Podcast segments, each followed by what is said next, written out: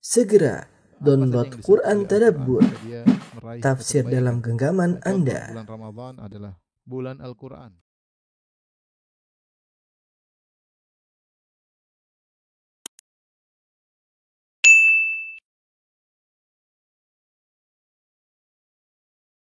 Bismillahirrahmanirrahim. Assalamualaikum warahmatullahi wabarakatuh. Alhamdulillahi ala ihsani wa syukru lahu ala taufiqihi wa amtinani. Asyhadu an la ilaha illallah wahdahu la syarika lahu ta'ziman li sya'ni wa asyhadu anna Muhammadan abduhu wa rasuluh da'ila ridwani. Allahumma salli alaihi wa ala alihi wa ashabihi wa ikhwani. Eh, rekan-rekan sekalian dari uh, Majid Istaklim Al-Ghuraba di Oman dan juga rekan-rekan di mana pun Anda berada. Kita masih melanjutkan bahasan kita tentang fiqh al-asma al-husna. Tentang memahami nama-nama Allah yang terindah. Sebagaimana kita selalu ingatkan siapa yang mengenal Allah, semakin memahami tentang sifat-sifatnya dan nama-namanya, maka dia kana minhu akhwaf, dia semakin takut kepada Allah Subhanahu wa taala.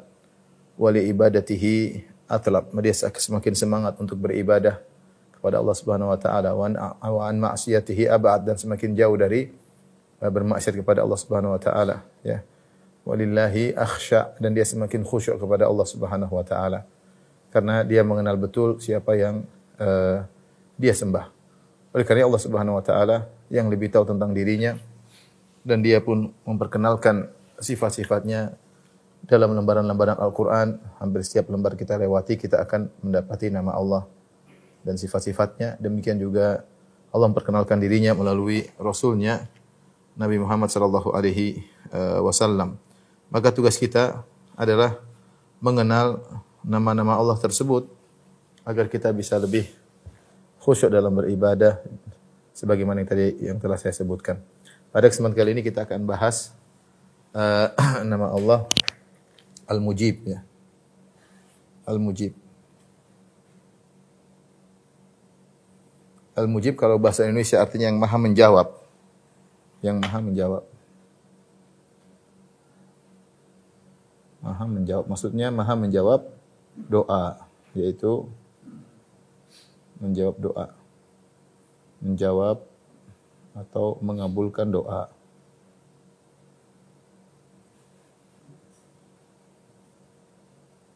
Dan datang dalam Al-Quran ya eh, dalam beberapa sirah ya datang dalam Al-Quran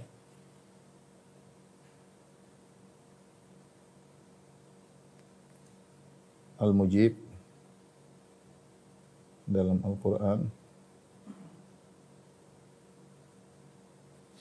dalam beberapa sirah ya bentuk. Eh, di antaranya ya eh, dalam bentuk al-fard yang pertama dalam bentuk isi mufrad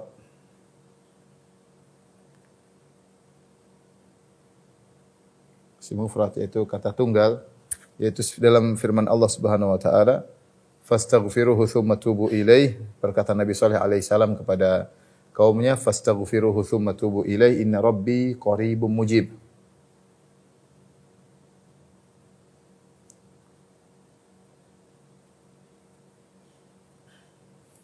in, uh, minta ampunlah, istighfarlah kepada Allah lalu bertobatlah kepada Allah.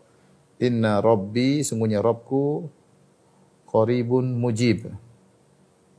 Qaribun mujib ya. Sungguhnya Rabbku itu sangat dekat dan maha mengabulkan doa. Ini di sini uh, Nabi Soleh menggunakan kata mujib yaitu maha mengabulkan uh, doa ya. Kemudian juga datang dalam bentuk uh, ismul jama' dalam bentuk plural.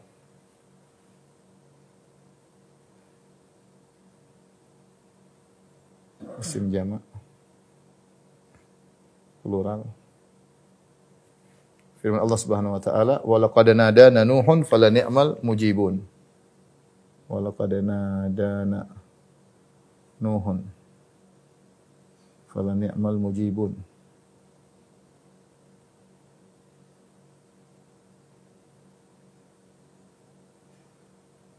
Yang artinya sungguh Nabi Nuh alaihissalam telah menyuruh kami berdoa kepada kami, Kata Allah, "Fala ni'mal mujibun" dan kami sebaik-baik yang mengabulkan doanya. Ya. Kami sebaik-baik yang mengabulkan doanya. Doa Nabi Nuh alaihissalam. Ini uh, juga maknanya sama al-mujibun ya. Kadang Allah Subhanahu wa taala uh, mendatangkan dengan lafal jamak seperti inna nahnu nazzalna dzikra wa inna lahu lahafizun ya. Karena Allah menggunakan nahnu maka Allah bilang hafizun. Kami hafizun. Hafiz itu isim bentuk plural yaitu jamak yang yang menjaga ya. Uh, demikian juga walaqad nadana ketika Uh, dan sungguh Nuh telah memanggil menyeru kami ya.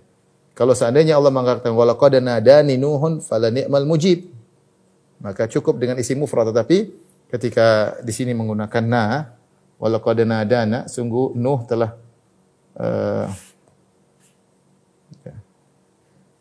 sungguh Nuh telah menyeru kami ya untuk berdoa kepada kami fala ni'mal mujibun maka kami sebaik-baik yang mengabulkan doa. Ini juga menunjukkan nama Allah Al-Mujib.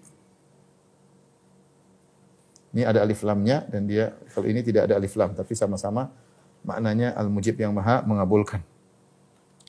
Uh, kemudian dalam bentuk fiil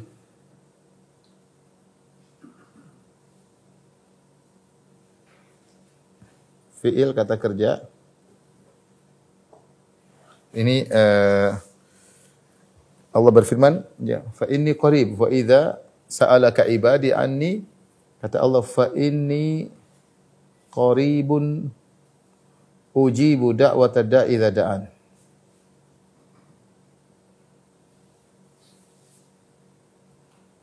Jika hambaku bertanya kepada engkau wahai Muhammad, ya, katakanlah aku sangat dekat. Di sini ujibu, aku memenuhi. Ujibu, aku memenuhi uh, mengabulkan itu aku mengabulkan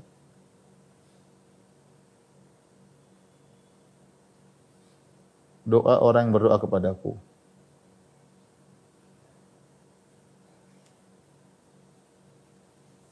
Demikian juga dalam ayat-ayat yang lain banyak sekali Allah menyebutkan bagaimana Allah uh, mengabulkan doa-doa orang-orang yang mohon kepadanya. Seperti saya bacakan dalam surat Al-Anbiya ya, surat Al-Anbiya ayat 83 dan seterusnya ya. 21 ayat 83 dan seterusnya. Uh, saya bacakan wa ayyuba idznada rabbahu anni masaniyad durru wa anta arhamur rahimin. Dan Ayub ketika dia berdoa kepada Rabbnya, dia berkata anni masaniyad durru. Sungguhnya ya Rabbku aku telah ditimpa dengan penderitaan. Wa anta arhamur rahimin dan engkau adalah sebaik-baik yang berbelas kasih Kata Allah fastajabna lahu ya. Ini fastajabna lahu. Allah berfirman fastajabna lahu. Maka kami pun mengabulkan mengabulkan. Ini adalah bentuk fi'il. Ini fi'il madhi kalau ujibu fi'il mudhari. Ini contoh dalam bentuk fi'il banyak. Fastajabna lahu. Maka kami pun mengabulkan uh, doanya. Fakashafna ma bihi min dhurrin dan kami pun menghilangkan penderitaan yang uh, dia rasakan. Ya. Dan seterusnya. Kemudian Allah berfirman lagi pada ayat 87. Wa dhannuni mughadiban fa dhanna an alaih. Dan Yunus alaihissalam ketika dia pun pergi meninggalkan kaumnya dalam kondisi marah kepada kaumnya. Fa dhanna an lan naqdira alaih. Dia menyangka kami tidak akan menyempitkan urusannya. Jadi eh, Nabi Yunus pergi, Allah belum mengizinkan dia pergi. Dia pergi karena jengkel sama kaumnya yang tidak mau beriman. Maka dia pun meninggalkan kaumnya dalam kondisi marah dan dia menyangka kami tidak akan menyempitkan urusannya. Akhirnya Allah pun membuat dia sempit urusannya di mana dia ditelan oleh ikan paus. Sebagaimana kisahnya ma'ruf dalam kisah Nabi Yunus. Kemudian Allah berfirman, "Fanada fi dhulumati alla ilaha illa anta subhanaka inni kuntu minadh dhalimin." Maka dalam kegelapan yang bertumpuk-tumpuk, Nabi Yunus pun berdoa dengan berkata, "Allah ilaha illa anta, la ilaha illa anta." Tidak ada yang sembahan berhak disembah kecuali Engkau. Subhanaka inni kuntu minadh dhalimin. Sungguhnya engkau maha suci Allah, aku termasuk orang-orang yang zalim. Kata Allah Subhanahu wa taala, fastajibna lahu. Ya. Kami pun, eh, sama ini fastajibna itu kami menjawab mengabulkan permohonannya. Wa najjaynahu minal ghammi dan kami selamatkan dia dari penderitaan. Wa kadzalika nunjil mu'minin demikianlah kami menyelamatkan orang yang beriman. Demikian juga dalam ayat berikutnya ayat 89. Tadi sudah Nabi Ayub, kemudian Nabi eh, Nabi Ayub, kemudian Nabi Yunus, sekarang Nabi Zakaria. Wa Zakaria idz nada rabbahu Rabbi la tadharni fardan wa anta khairul warithin. Ya. Zakaria tatkala dia menyeru kepada Rabbnya, "Ya Allah, jangan kau biarkan aku sendirian. Engkau sebaik-baik pemberi eh, warisan ya." Fastajibna lahu wa habna lahu Yahya. Kata Allah, "Fastajibna lahu."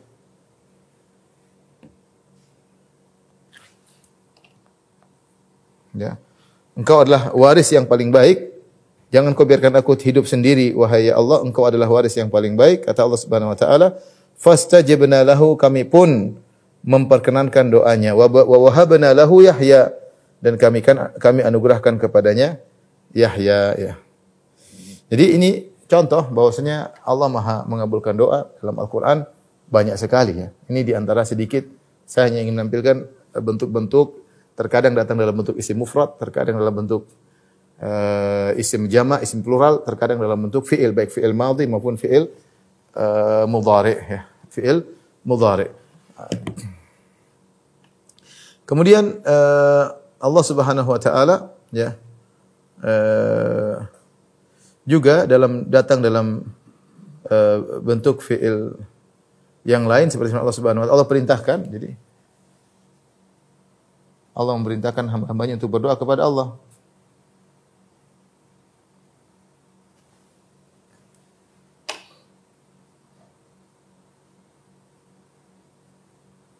Untuk berdoa kepada Allah. Ya. Allah berfirman dalam surat Ghafir ayat 60, "Wa qala rabbukum ud'uni astajib lakum." Dan Rabb kalian berkata, berdoalah kepadaku, astajib lakum, niscaya aku akan mengabulkan doa kalian. Innal ladzina istakbiruna an ibadati, sungguhnya orang yang sombong tidak mau beribadah kepadaku, sayadkhuluna jahannama dakhirin, mereka akan masuk neraka dalam kondisi yang terhina, ya. Ghafir ayat 60. Ini ikhwan eh, sedikit tentang eh, kata-kata atau datangnya makna al-mujib dalam Al-Qur'an tentunya masih banyak, ini sedikit yang kita singgung. Ya? Tapi setelah itu kita akan lanjutkan tentang uh, macam-macam pengkabulan doa.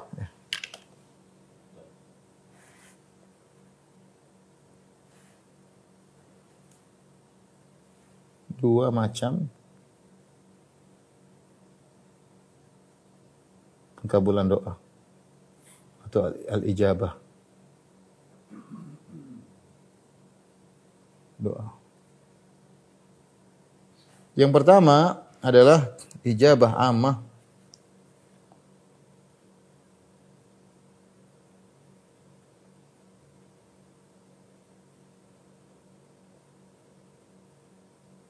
Bentar.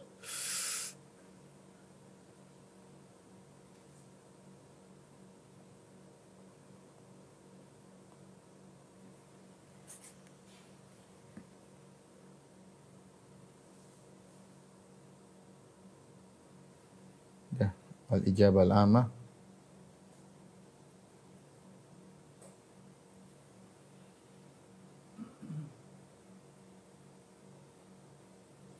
Jawaban umum. Ya, nanti ada al-ijabah.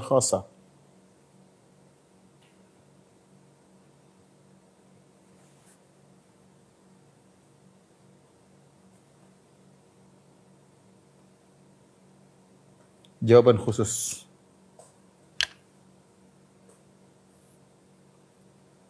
Jawaban umum maksudnya apa? Itu Allah mengabulkan doa hamba-hambanya siapa pun orangnya dan di mana pun dan apa pun modelnya. Mengabulkan permohonan hamba-hambanya. Hamba-hambanya. Apa pun status mereka. Mereka dan di mana pun dan di mana pun. Kenapa demikian? Ya.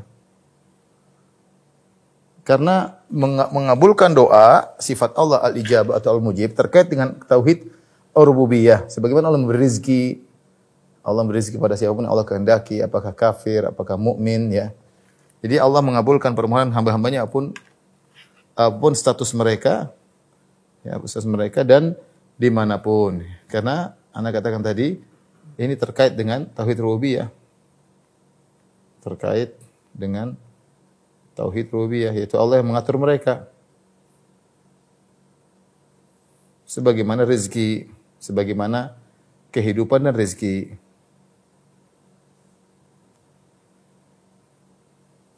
Oleh karenanya dalam Al-Quran bahkan Allah memberi uh, pengkabulan kepada orang-orang kafir. Ya.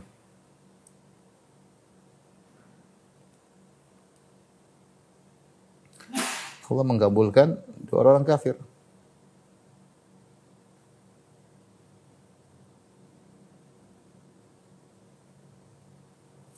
Di antara contoh seperti iblis. Pertama iblis. Allah Subhanahu wa taala uh, menyebutkan dalam Al-Qur'an iblis berdoa fa'anzirni ila yaumi yub'atsun. Ya Allah, tangguhkanlah kematianku sampai hari kebangkitan. Iblis uh, minta untuk ditangguhkan matinya karena dia tahu bahwasanya jin hukum asalnya akan mati. Dia tidak akan hidup selama-lamanya. Hukum asal iblis, uh, jin dan manusia adalah akan mati. Oleh karenanya iblis meminta untuk ditangguhkan. Dia mengatakan anzirni ila yaumi yub'atsun. Ya, tangguhkanlah kematianku. Ya. Dalam ayat yang lain, tujuannya dia minta apa untuk ditangguhkan supaya bisa menggoda anak-anak Adam. Dia mengatakan la in akhartani ila yaumil qiyamati la ahtanikanna dzurriyyatahu illa qalila dalam surat Al-Isra. Ya Allah, qala araita hadzal ladzi karramta alayya. Lihatlah ya Allah ini orang manusia Adam yang kau muliakan dia dibandingkan aku. La in akhartani ila yaumil qiyamah. Kalau kau tangguhkan kematianku sampai hari kiamat, la ahtanikan dzurriyyatahu illa qalila. Aku akan menyesatkan anak keturunannya seluruhnya kecuali hanya sedikit. Apa kata Allah? Allah kabulkan permohonannya. Qala innaka minal munzarin. Iblis kata Allah, iblis berdoa, kata Allah, innaka minal munzarin engkau iblis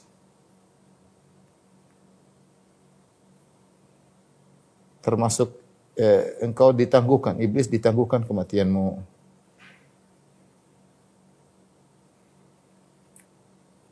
Taib. Apakah iblis ketika dikabulkan doanya berarti Allah muliakan dia? Jawabannya tidak. Allah mengkabulkan doa belum tentu bukan berarti Allah memuliakan. Itu namanya ijabah khasah. Ada pengkabulan khusus yang Allah tidak kabulkan kecuali yang terbaik. Tapi ini ijabah umum, ijabah amat. Sebagaimana Allah kasih rezeki sama orang, ada orang kasih rezeki eh, untuk kebaikan, ada orang kasih rezeki dia semakin sesat. Istidraj ada. Iblis demikian ketika iblis minta untuk dikabulkan doanya, Allah kabulkan. Bukan memuliakan iblis tapi sebagai ujian baginya dan dia semakin parah. Istidraj. Allah kabulkan. Iblis dikabulkan doanya. Contoh lagi selain iblis, orang-orang kafir. Ya. Orang kafir. Allah sebutkan misalnya dalam surat uh, Al-Ankabut ayat 65 ya. Kata Allah Subhanahu wa taala, "Wa idza rakibu fil fulki da'allaha mukhlishina lahuddin." Tatkala mereka berlabuh di lautan, kemudian mereka akan tenggelam terhantam dengan ombak yang begitu besar, da'allaha mukhlishina lahuddin, maka mereka pun berdoa kepada Allah dengan ikhlas. Mereka berdoa kepada Allah. Jadi da Allah mukhlisin lahuddin. Falamma najjahum ilal barri tatkala kami selamatkan mereka di daratan ya idahum yusyrikun mereka syirik kembali ya. Ini di antaranya dalam surat Al-Ankabut. Dalam surat Luqman demikian juga surat Luqman ayat ke-32 Allah Subhanahu wa taala berfirman, "Wa idza ghasyahum maujun kadzulali Allah mukhlishina lahuddin." Tatkala mereka diliputi oleh maujun kadzulal, ombak yang bertumpuk-tumpuk, ombak besar sudah sampai ombak di atas melewati di atas kapal, di atas uh, bahtera. Apa yang mereka lakukan? Mereka ikhlas. Da Allah mukhlishina lahuddin. Mereka berdoa kepada Allah dengan ikhlas. Kata Allah Subhanahu wa taala, "Falamma najjahum ilal barri," tatkala mereka diselamatkan, ya, ternyata mereka faminhum muqtasid di antara mereka ada yang kembali lagi. Orang kafir di uh, kabulkan uh, doanya ya. Contoh juga dalam Al-Qur'an Allah sebutkan Allah mengkabulkan doa kaum Saba. Kaum Saba.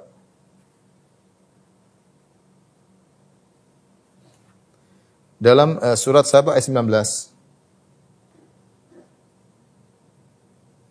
Saya bacakan firman-Nya. Firman-Nya Allah Subhanahu wa taala berfirman, "Faqalu Rabbana ba'id baina asfarina." Faqalu Rabbana ba'id baina asfarina wa zalama anfusahum dan mereka menzalim diri. Mereka berdoa, "Ya Allah, ba'id baina asfarina." Ya Allah, jauhkanlah antara jarak-jarak kami. Terlalu dekat. Dahulu Allah Subhanahu wa taala membuat kenikmatan kepada mereka sebagaimana saya pernah jelaskan dalam tafsir surat Saba. Antara mereka perjalanan dari satu kota ke kota yang lain, situ ada pos-pos mereka mudah istirahat Nanti mereka istirahat, mereka lanjutkan lagi. Ada kota-kota kecil, kampung-kampung kecil yang buat mereka bisa istirahat di tempat tersebut, kemudian melanjutkan perjalanan pada kampung berikutnya sehingga mereka ringan ketika bersafar. Sama seperti kita kalau kita bersafar ada apa namanya? rest area sebentar lagi area. kita merasa nyaman kapan kita berhenti lanjut lagi lanjut lagi coba kalau rest area jaraknya selalu 200 kilo 300 kilo berat rupanya mereka berdoa mereka bilang Rabbana ba'id baina asfarina kata mereka terlalu nyaman, kita pingin jaraknya jauh-jauh. Mereka minta agar jaraknya dijauh-jauhkan. Tapi Allah kabulkan. Allah kabulkan. Ya. Kemudian juga misalnya Allah mengabulkan doa Abu Jahal. Abu Jahal dalam surat Al-Anfal ayat 19. Kata Allah Subhanahu wa taala, "In tastaftihu faqad ja'akumul fath." Kalau kalian jika mereka intastaftu meminta keputusan kepada Allah, faqad ja'akumul fath. Maka telah datang keputusan bagi mereka. Ketika itu ketika perang Badar, Rasulullah SAW berdoa, Abu Jahal juga berdoa. Allah sebutkan bagaimana doa doanya Nabi Muhammad SAW kata Allah Subhanahu wa taala Istastaghithuna rabbakum fastajaba lakum. Tatkala kalian itu Rasulullah SAW dan Abu Bakar berdoa dan kalian para sahabat istastaghithuna rabbakum kalian beristighatsah itu minta kepada Allah pertolongan dalam kondisi terdesak. Ya. Istastaghithuna rabbakum fastajaba lakum. Fastajaba lahum. Istastaghithuna rabbakum fastajaba lakum. Anni mumiddukum bi alfi minal malaikati murdifin. Maka Allah pun mengabulkan permohonan kalian. Doanya Nabi dikabulkan. Maka Allah turunkan malaikat, ya. Seribu malaikat yang turun berturut-turut untuk menolong para sahabat. Rupanya Abu Jahal juga berdoa. Ya, bisa kita lihat dalam tafsir ayat ini dalam tafsir surat Al-Anfal 19. Ya, dia berdoa Allahumma ayuna aqta'u rahim wa atana bima la na'rif fa'inhul ghadat. Ya. Dia berkata, "Ya Allah, siapa di antara aku dan Muhammad? Antara aku dan Muhammad yang paling memutuskan silaturahmi." Dia menganggap Muhammad memutuskan silaturahmi karena Rasulullah SAW ketika berdoa orang-orang bertengkar, suami istri bisa jadi pisah, orang tua dan anak bisa ber, bisa dipisah, kakak adik bisa jadi pisah. Jadi Abu Jahal menuduh Rasulullah uh, pemutus silaturahmi. Maka dia berdoa dengan begitu. Dia mengatakan, Allahumma ayyuna aqta'u rahim. Ya Allah, siapa antara aku dan Muhammad yang lebih memutuskan silaturahmi? Wa atana bima lam na'rif dan datang dengan perkara-perkara kami tidak kenal sebelumnya. Fa ahinhul ghadata ya Allah binasakanlah di hari ini. Binasakanlah besok. Dan benar, Allah kabulkan. Jadi Abu Jahal berdoa, siapa di antara kami yang paling memutuskan silaturahmi, matikan kami. Ternyata yang benar yang paling memutuskan silaturahmi adalah Abu Jahal. Abu Jahal. Dikabulkan doanya, dikabulkan. Allah binasakan dia. Dalam surat Al-Anfal ayat 19. Kemudian juga ada misalnya Nadhr bin Harith. Bin Al-Harith. Ini salah satu provokator dari kaum Quraisy yang dia suka memalingkan manusia kepada cerita-cerita tentang raja-raja Romawi, raja-raja Persia agar orang tidak baca Al-Qur'an, ya. Ya. La tasma'u li hadzal Qur'an wal ghaufi. Jangan kalian dengar Al-Qur'an sudah bikin apa namanya? bikin ke kegaduhan. Ya, sehingga dia pergi dari dia banyak pengalaman dia pergi ke negeri Persia, pergi ke negeri uh, Romawi, kemudian dia punya banyak cerita membuat orang tidak mau dengar Al-Qur'an lebih dengar, dengar suka dengar ceritanya ya. Dia pernah berdoa, Allah abadikan dalam surat Al-Anfal, ya. Wa idh qalu Allahumma in kana hadha huwal haqqu min indika fa amtir alaina hijaratan minas sama dalam surat Al-Anfal 8 ayat ke-32. Wa idh qalu Allahumma in kana hadha huwal haqqu min indika fa amtir alaina hijaratan minas sama. Ketika mereka berkata, "Ya Allah, jika benar yang dibawa oleh Muhammad itu benar dari Engkau ya Allah, famtir alaina hijaratan minas sama. Turunkanlah hujan batu kepada kami. Awi tinabi adzabin alim. Azablah kami dengan azab yang pedih. Ternyata benar, dia diadab dengan azab yang pedih, tewas dalam perang perang Badar ya.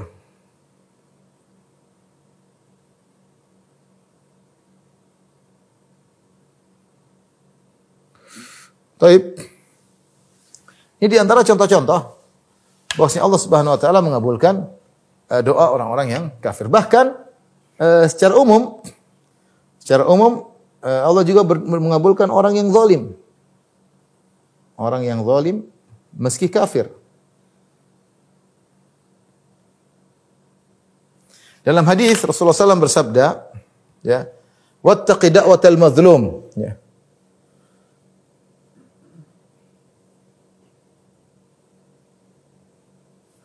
Wattaqi da'watal mazlum takutlah kalian kepada doa orang yang dizalimi. Ya.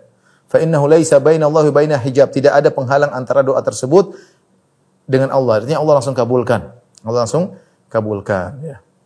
Di antaranya dalam suatu riwayat kata Nabi SAW, dakwatul mazlum mustajabah wa in kana fajiran fafujuru ala nafsihi. Kata Nabi SAW dalam satu riwayat, ya, dihasankan oleh Syekh Al-Bani rahimahullah ta'ala, doanya orang didolimi dikabulkan meskipun dia fajir, tukang maksiat. Kenapa dia sedang didolimi? Dia berdoa, doanya dikabulkan. Meskipun dia fajir, dan kefajirannya tukang maksiat kembali kepada dia.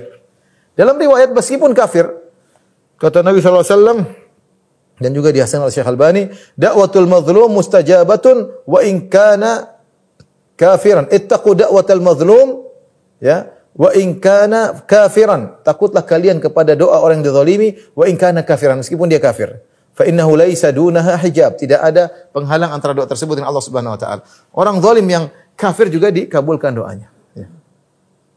dan secara umum secara umum Allah berfirman ya. Amma yujibul mutarra idza da'a ya. kata Allah Subhanahu wa taala siapa yang mengabulkan Ya.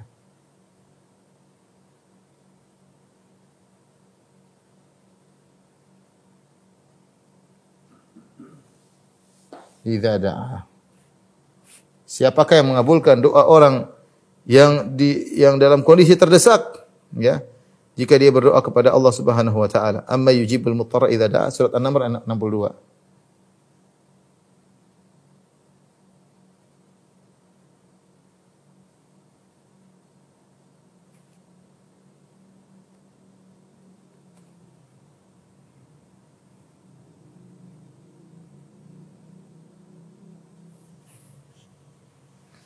Ya. Jadi orang dalam kondisi terdesak, kalau dia minta kepada Allah akan kabulkan. Ini semua disebut dengan ijabah ammah. Allah bisa mengabulkan doa meskipun orang tersebut yang berdoa orang kafir, meskipun musyrik, meskipun penyembah berhala, meskipun karena konsekuensi rubiah Allah adalah memenuhi kebutuhan mereka. Ya. Tetapi yang kita inginkan adalah ijabah khas. Adapun ijabah umum, ijabah umum ini terkait dengan rububiyah sebagai sebagaimana uh, kehidupan dan rezeki ya tapi ijabah amma perhatikan. Ijabah amma tidak melazimkan pemuliaan umum.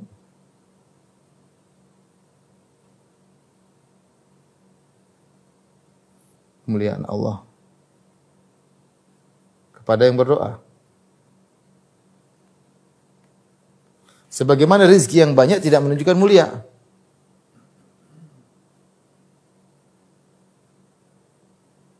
Tidak serta-merta menunjukkan kemuliaan.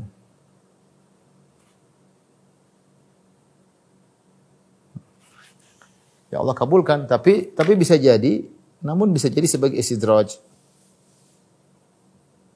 Ya, bisa jadi Eh, bisa jadi sebagai istidraj. Ujian atau istidraj. Istidraj itu apa? Diulur semakin pada posisi yang buruk. Diulur-ulur. Sana stadrijuhum min haitsu. Kami ulur mereka dari arah mereka tidak sangka-sangka. Nah ini disebut dengan ijabah al-ammah.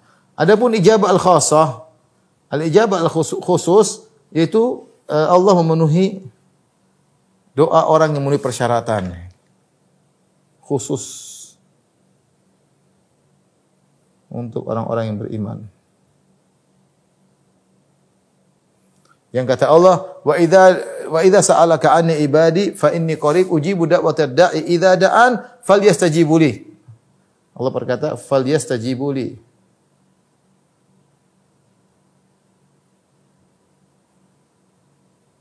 Wal yu'minu bi.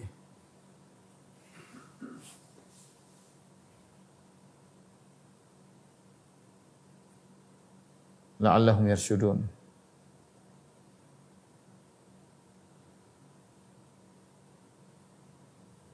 Allah mempersyaratkan kalau ingin dikabulkan doa maka penuhilah yaitu taatlah kepadaku wal yu'minu berimanlah kepadaku.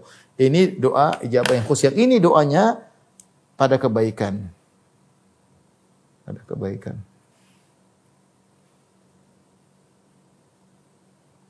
Baik, ini mungkin uh, nanti kita lanjutkan lagi. Sebentar.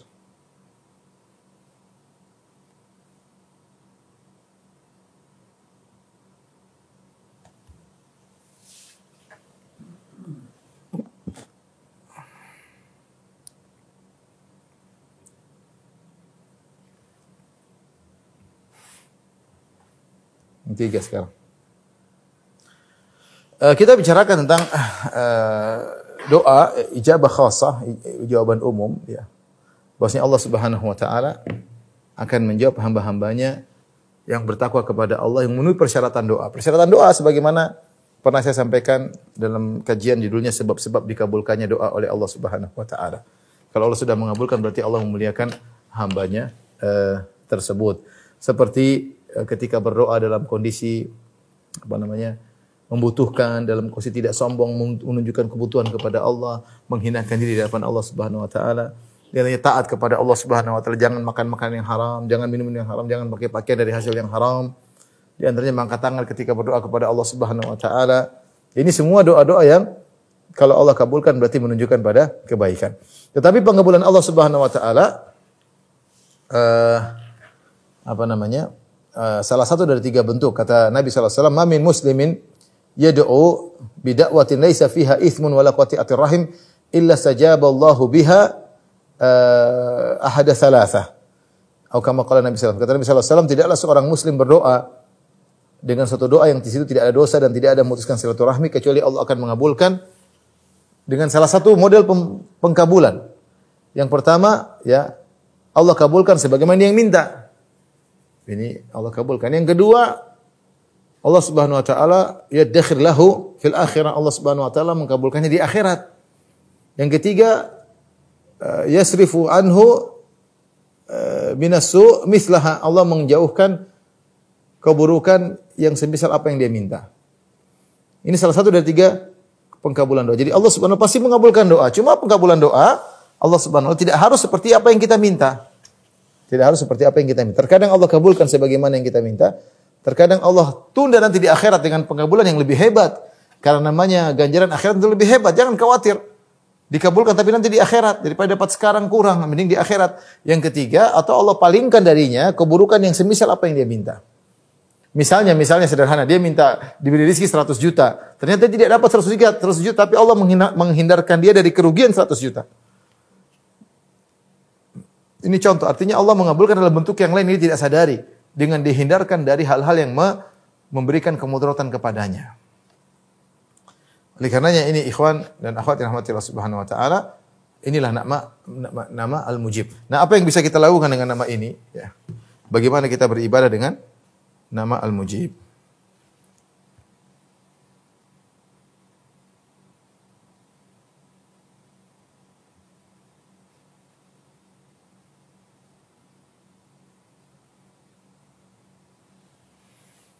Banyak bentuk beribadah kita dengan nama dengan nama Allah Al-Mujib. Ya. Pertama meyakini, meyakini Allah Maha mengabulkan.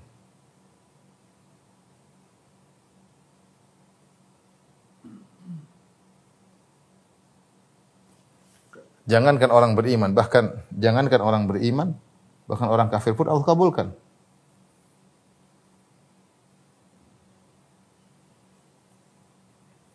bahkan orang kafir pun Allah kabulkan. Uh, ini yang pertama. Yang kedua, Allah pasti mengabulkan.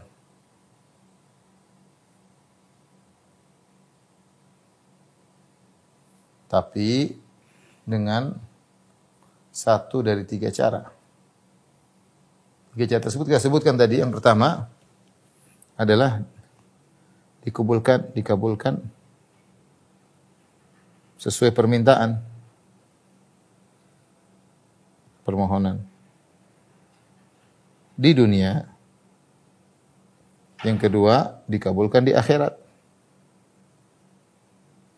Ini lebih hebat tentunya. Tentu ini lebih ini lebih hebat. Ini lebih hebat. Yang ketiga, dipalingkan.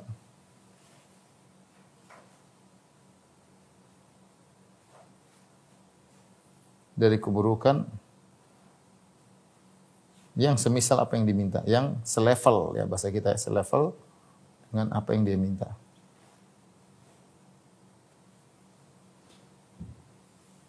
Jadi kalau kita tahu pasti dikabulkan, tinggal kita berdoa. Makanya Umar bin Abdul Khattab pernah berkata, inilah ahmilu hammad doa. Aku inilah ahmilu hammal ijab. Aku ini tidak mikir-mikir tentang uh, dikabulkan. Wa innama ahmilu hammad doa, hammad doa. Yang aku pikir kapan aku berdoa.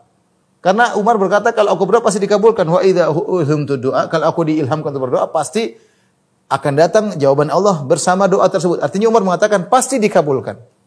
Cuma pengkabulan tersebut tidak mesti sesuai dengan apa yang kita inginkan. Ya. Waktunya kapan terserah Allah Subhanahu wa taala, ya. Makanya Rasulullah mengatakan wattaqu ittaqu da'watal mazlum. Sungguhnya uh, hati-hati terhadap doa orang yang berbuat zalim. Eh, doa orang di dizalimi ya. Rasulullah SAW ingatkan ya. Kata kata Allah Subhanahu wa taala kata Nabi wasallam Allah berfirman terhadap orang yang dizalimi ittaqul da'watal mazlum fa innaha tuhmalu 'alal ghamam yaqulu wa izzati wa jalali la ansurannaka walau ba'da hin. Aku akan menolong kau meskipun setelah ini. Jadi Allah mengabulkan terserah Allah kapan yang tepat dan Allah lebih tahu tentang kemaslahatan kita. Terus kita tahu ketika berdoa jangan jangan uh, apa coba-coba ketika berdoa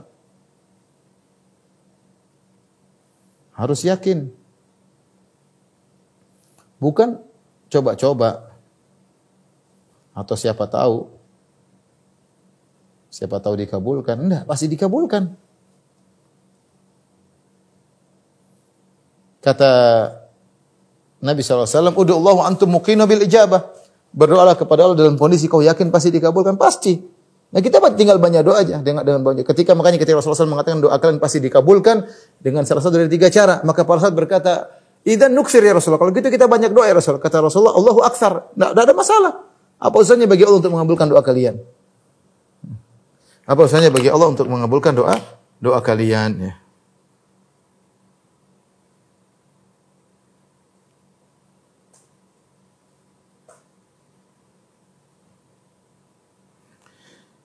Bagaimana perkataan uh,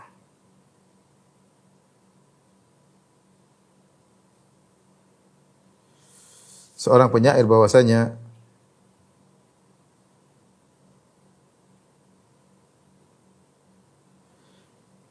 manusia ya kalau ditanya, kalau diminta, maka dia pasti akan uh, marah, lama-lama akan marah kepada uh, orang yang mintanya. Adapun Allah Subhanahu wa taala kalau uh, tidak diminta malah marah. Itu bedanya antara Allah dengan anak Adam. Anak Adam kalau kita minta kepadanya, lama-lama dia pasti e, tersinggung ya. Lama-lama dia pasti tersinggung. Karena kenapa manusia kalau diminta tersinggung? Karena e, kemampuannya terbatas ya. Asetnya terbatas. Mau sekaya apa pun asetnya terbatas. Dan dia merasa dapat aset tersebut dengan susah payah. Kalau diambil, diambil, diminta terus dia pasti marah. Meskipun orang terkaya di dunia. Ya. Dimintain terus dia, padahal sisanya masih banyak kita ambil satu persen aja dia pasti marah.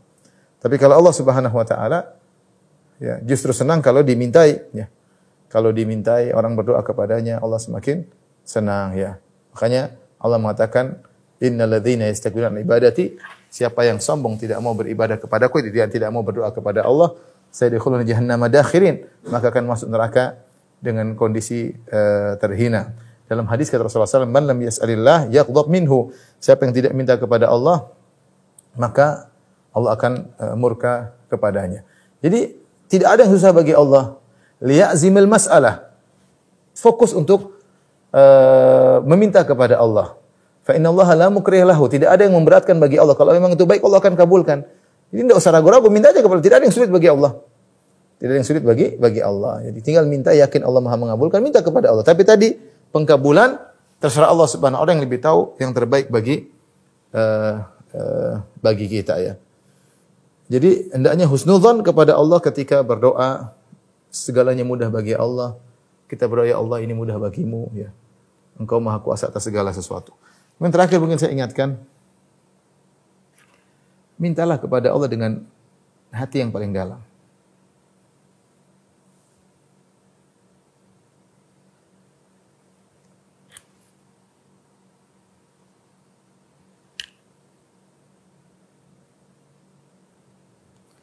Dengan bahasa yang mudah kalau tidak kalau tidak menghafal doa Nabi dengan bahasa yang bahasa yang mudah. Kita kalau bisa menghafal doa-doa yang dijarkan oleh Nabi Shallallahu Alaihi Wasallam terbaik. Karena doa-doa Nabi Shallallahu Alaihi Wasallam uh, maknanya sangat padat. Kemudian lafal-lafalnya sangat indah. Tapi kalau kita tidak mampu, ya sudah tinggal berdoa. Curahkan kepada Allah dengan kata-kata kita, dengan adab-adab ya. Karena Allah Maha mengabulkan doa, Allah Maha mendengar. Lihatlah Nabi Yunus dalam perut ikan paus di dalam tiga kegelapan, gelap perutnya ikan paus, gelap lautan, gelapnya ombak, gelap malam, tapi Allah mendengar apa yang dia minta. Subhanallah seorang eh, dia sujud kemudian dia bisik-bisik kepada Allah dengan bahasa yang lirih. Nidaan khafiyan dengan suara yang lirih tapi Allah Maha Maha mendengar. Allah tidak tuntut engkau untuk kata-kata saja-saja ketika berbicara dengan Allah. Sebagaimana kalau kita mau nulis permintaan kepada kepada raja atau kepada paduka atau kepada menteri atau kepada atasan dengan kata-kata dengan macam-macam macam-macam rubah lagi, rubah lagi. Tidak perlu. Minta kepada Allah. Pelong aja minta kepada Allah. Allah maha tahu, Allah maha baik. Kalau kita minta sama ibu kita, ma ini loh ma, jadi kita ngerengek-ngerengek sama ibu Allah, maka mama kasih. Allah lebih sayang kepada kita daripada ibu kita kepada kita. Udah, tinggal sujud atau angkat tangan, nangis, minta kepada Allah, curahkan isi hati, Allah tahu. Allah tahu. Ya. Inilah uh, ikhwan dan akhwat yang rahmati Allah Subhanahu Wa Taala ya kita punya Tuhan yang di antara namanya adalah Al-Mujib maha mengabulkan. Bagaimana dia tidak maha mengabulkan sementara dia maha kaya, asetnya tidak terbatas. Dia ala kulli syai'in qadir, dia maha kuasa segala sesuatu, semuanya mudah bagi Allah Subhanahu wa taala.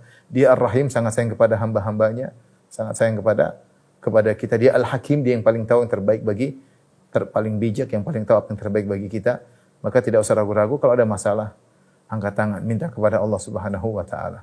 Sebagaimana sering dikatakan, doa silahul mukmin, doa adalah senjata seorang mukmin. Dia bukan senjata terakhir, dia doa senjata yang yang uh, pertama ya. Sebagaimana kata Imam Syafi'i rahimahullahu taala, atahza bidu'ai wa tasdarihi wa ma tadri bima sana'ad du'a. Apa kau meremehkan doa dan kau menganggap enteng doa? Kau tidak tahu apa yang bisa dilakukan doa. Doa melakukan banyak keajaiban-keajaiban yang tidak mampu dilakukan oleh kekuatan manusia mana pun. Oleh karenanya jangan lupa untuk berdoa dan serahkan urusan kepada Allah Subhanahu wa taala. Wallah alam mungkin sampai sini saja yang saya sampaikan pada uh, kawan-kawan uh, di Oman dan yang lainnya. Semoga bermanfaat. Kurang lebih saya maaf. Wabillahi taufiq wal hidayah. Assalamualaikum warahmatullahi wabarakatuh.